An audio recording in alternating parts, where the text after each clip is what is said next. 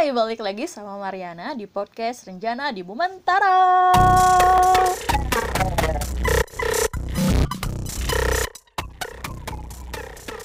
Menjadi mahasiswa kelas reguler, sebenarnya gak pernah terlintas di pikiran aku.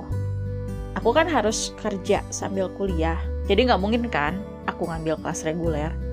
Waktu awal mula aku daftar ke salah satu universitas swasta di kota Bandung, aku itu daftarnya kelas karyawan. Waktu itu aku daftar di gelombang satu karena takutnya aku nggak lolos seleksi, jadi aku mau nyobain di gelombang kedua. Aku tuh nggak pede karena aku tuh kan udah enam tahun nggak sekolah. Jadi aku lulus SMK itu tahun 2010 dan waktu 2016 aku baru mulai kuliah. Ya bayangin aja 6 tahun sama sekali nggak menyentuh pelajaran terus tiba-tiba harus ujian. Rasanya itu pasti nggak pede kan. Ya waktu persiapan aku tes saringan masuk sih belajar dikit-dikit lah, belajar mengulang-ulang. Karena aku punya buku soal-soal buat tes masuk ke universitas negeri dan aku belajar dari situ. Meskipun memang aku itu daftarnya ke universitas swasta. Temanku itu sebenarnya ngajakin aku kuliah dari tahun 2015. Masih teman satu kantor. Maksudnya biar kita kuliahnya bareng, ada temen, jadi kalau ada apa-apa, ada tugas atau ada apa, kita bisa ngerjain bareng. Cuman waktu tahun 2015 itu kepentok banget, aku sama sekali nggak punya tabungan. Jadi aku mengurungkan niat buat kuliah di tahun 2015. Padahal kalau waktu itu aku daftar kuliah di tahun 2015, itu aku masih bisa ngambil kelas karyawan. Kelas karyawannya masih dibuka. Tapi karena nggak ada duit, akhirnya dipending ke tahun 2016. Kuliah di tahun 2016 itu sebenarnya kehitungnya maksa juga. Waktu tahun 2010, begitu aku lulus SMK, aku pernah bilang sama ibu aku, Mah, teteh nggak mau tahu, pokoknya adik lulus sekolah, teteh mau kuliah dan adik aku itu lulus SMK tahun 2016. Jadi otomatis aku udah nge-planning dong 2016 pokoknya aku mau kuliah. Jadi pada suatu malam aku bilang sama mama, Mah, teteh mau kuliah. Dan jawaban ibu aku itu benar-benar bikin aku pengen nangis karena waktu itu ibu aku ngejawab, uang dari mana? Aku yang sudah menangis dalam hati berusaha untuk kuat dengan menjawab, Mah, teteh tuh minta izin, bukan minta uang. Padahal waktu aku ngomong kayak gitu, aku tuh gak punya tabungan sama sekali. Ya pokoknya harus kuliah di tahun 2016 itu. Apa pun caranya pokoknya aku harus kuliah. Sekitar akhir 2015, aku tuh sempat nabung di koperasi gitu. Dan uangnya itu baru cair sekitar bulan Juni. Ya memang kalau dilihat nominalnya sih uangnya masih kurang sebenarnya. Tapi bodoh amat. Yang penting aku daftar dulu aja. Karena aku yakin kalau aku ada kemauan itu pasti ada jalan. Februari kalau nggak salah aku daftar kelas karyawan. Dan ternyata hasilnya itu diumumkan seminggu kemudian. Dan ternyata aku lolos. Wah rasanya seneng banget kan? 6 tahun nggak sekolah tapi ternyata masih bisa lolos seleksi tapi ternyata urusan administrasinya itu harus diselesaikan selama satu minggu ke depan itu bulan Februari ya. Sedangkan uang aku itu yang ditabung di koperasi itu baru cair bulan Juni. Dan aku harus bayar kuliah dalam waktu satu minggu. Uang dari mana? Gajian aja belum. Karena waktu itu kalau nggak salah minggu kedua bulan Februari itu tes, minggu ketiganya pengumuman dan minggu keempatnya ditutup. Itu gajian aja belum nyampe. Dan kalaupun emang lewat tanggal gajian aku, itu uangnya nggak akan cukup. Karena bayar kuliah tuh hitungannya bukan sejuta dua juta. Hitungannya tuh belasan. Dan aku sama sekali gak punya uang sebanyak itu. Minta ke orang tua pun ya nggak bisa kan. Akhirnya muter otak ngehubungin orang sana sini hubungin temen sana sini. Dan akhirnya ada seorang teman aku yang bersedia minjemin uang ke aku akhirnya resmilah aku menjadi mahasiswa meskipun memang belum kuliah tapi seenggaknya kan udah resmi udah daftar nih perkuliahannya sendiri kalau nggak salah itu bulan September. Nah, di bulan Agustus itu ada pertemuan dulu semua mahasiswa. Aku lupa namanya apa, pokoknya aku inget banget waktu itu habis dinas malam. Aku langsung ke kampus tanpa mandi karena aku ketinggalan info, jadi aku sama sekali nggak prepare. Pokoknya balik kerja malam, aku langsung ke kampus. Dan waktu di kampus itu dikumpulin awalnya semuanya kumpul di aula dan dikasih pengarahan-pengarahan gitulah kayak nanti ada acara ini tanggal segini pakaiannya ini nanti ada acara ini tanggal segini pakaiannya ini terus masuk kuliah tanggal segini bajunya ini nah setelah pengumuman singkat itu sebenarnya cuma sekitar setengah jam sampai satu jam dan akhirnya kami yang anak kelas karyawan aku tuh dikumpulin di satu kelas dan ternyata kelas itu dipenuhin oleh anak-anak dari prodi S1 aku kan dari prodi D3 nih. Terus mereka pulang aku sempat bingung. Karena sebelum disuruh bubar itu orang kampusnya itu sempat ngomong ini udah pada kenalan belum? Nanti kan kalian jadi teman sekelas. Terus aku mikir teman sekelas gimana? Ini kan ada anak S1 anak D3 terus aku ngacung kan angkat tangan bu saya anak D3 oh iya yang D3 jangan dulu pulang ya. Ternyata anak D3 yang ada di situ tuh cuma tiga orang. Terus dijelasin kalau kelas karyawan itu tidak dibuka karena kuotanya tidak mencukupi. Kalau nggak salah minimal itu 20 orang. Dan ternyata hasil seleksi gelombang 1, gelombang 2 itu mahasiswanya nggak nyampe 20 dan gelombang ketiga itu nggak ada satupun pendaftar yang masuk ke kelas karyawan yang lolos. Karena meskipun diumumkan kelulusannya itu kelasnya tetap nggak akan dibuka karena tetap kurang jumlah yang lolosnya itu jadi semuanya diumumin kalau mereka tidak lolos dan yang hadir di hari itu tuh cuma tiga orang akhirnya kita dikasih opsi untuk pindah ke kelas S1 tanpa perlu tes ulang. Ya gimana mau tes ulang, orang udah mau mulai kan kuliahnya juga. Semua orang, gak semua juga sih, kebanyakan orang banyak yang bertanya, kenapa sih gak ngambil S1 aja?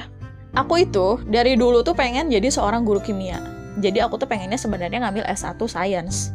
Tapi karena aku tuh kan lulusan SMK, SMK Farmasi dan waktu lulus aku tuh punya yang namanya surat tanda registrasi tenaga teknis kefarmasian dan aku itu harus memperpanjang surat izin aku itu setiap lima tahun. Nah, waktu itu ada peraturan baru yang menyatakan kalau asisten apoteker itu harus lulusan D3. Dan semua STR TTK yang lulusan SMK itu habis tanggal 17 Oktober 2020 otomatis kalau aku masih pengen memperpanjang STR aku, aku kan harus kuliah lagi. Jadi 2016 itu aku benar-benar maksain buat kuliah D3 Farmasi karena targetnya kan biar lulus tahun 2019. Lalu ngurus surat-surat, jadi ketika STR aku habis di tahun 2020, aku udah punya STR yang baru. Dan lagi, aku takutnya kuliah aku keteteran, jadi harus nambah semester. Ya masih ada spare satu tahun lah buat persiapan. Jadi, ya itu alasan aku kenapa aku tidak ngambil S1 farmasi. Karena aku tidak pernah ingin menjadi seorang apoteker. Aku pengennya jadi guru kimia. Jadi, ya aku kuliah untuk melaksanakan kewajiban dulu lah. Yang penting STR aku bisa diperpanjang dulu. Urusan nanti kuliah lagi atau enggak, itu gimana ntar. Tapi ternyata yang ditawarkan kampus itu kan cuman S1 farmasi kan, pindah ke S1. Dan aku mikir lagi, karena biaya S1 itu dua kali lipat dari biaya D3. Kuliahnya 4 tahun, dan begitu lulus, aku masih harus lanjut kuliah profesi apoteker. Jadi ketika aku dihadapkan pada pilihan untuk masuk kelas S1, ya aku nggak mau dong. Akhirnya aku bilang, Bu kalau masuk kelas reguler gimana? Nanti kerjanya gimana? Kerjanya gampang lah, nanti bisa diatur-atur boleh boleh. Nanti administrasinya kita yang atur. Ini mbaknya tulisin aja nama lengkapnya siapa nanti administrasinya kita atur. Cuman mohon maaf untuk anak kelas reguler kembali lagi ke lantai atas karena harus persiapan PKKMB aku lupa PKKMB itu singkatan dari apa. Pokoknya itu ospek lah gitu. Sebutannya namanya PKKMB akhirnya aku balik ke atas. Dibentuk kelompok. Ya seperti halnya ospek-ospek lainnya bikin yel yel kerja sama sama temen lah bikin apalah bikin apalah yang kayak gitu-gitu. Dan itu tuh adalah salah satu hal yang udah bosen aku lakuin. Tapi ya udahlah namanya juga aturan. Jadi aku itu di ospek oleh orang-orang yang sebenarnya seumuran adik aku. Dan aku yang kayak ya elah nih anak kecil marah-marahin gua mau ngapain? gitu. Tapi ya udahlah cuek aja gitu. Toh mereka juga pasti tahu lah kalau aku itu lebih tua dari mereka aku ambil positifnya aja lah. Kalau aku ngambil kelas karyawan aku nggak pernah tuh seumur umur ngerasain yang namanya di ospek. Dan ternyata tidak seburuk yang aku bayangkan. Tapi waktu itu kalau nggak salah timeline ospeknya itu agak telat jadi harusnya dilaksanakan tiga hari berturut-turut. Ini dilaksanakan tiga minggu berturut-turut. Bukan tiga minggu dari senin sampai minggu bukan tiga kali tujuh hari tapi tiga kali hari minggu. Jadi minggu pertama minggu kedua dan minggu ketiga. Jadi kita ospeknya nggak tiap hari Ospek hari pertama, besoknya kuliah seminggu, terus nanti ospek lagi, kuliah lagi, kayak gitu. Jadi bisa dibilang lebih ringan dari ospek kebanyakan, karena kita itu nggak terlalu digenjot sama waktu. Meskipun emang jam 5 pagi udah harus kumpul di kampus, dan jam 5 sore itu baru pulang dari kampus.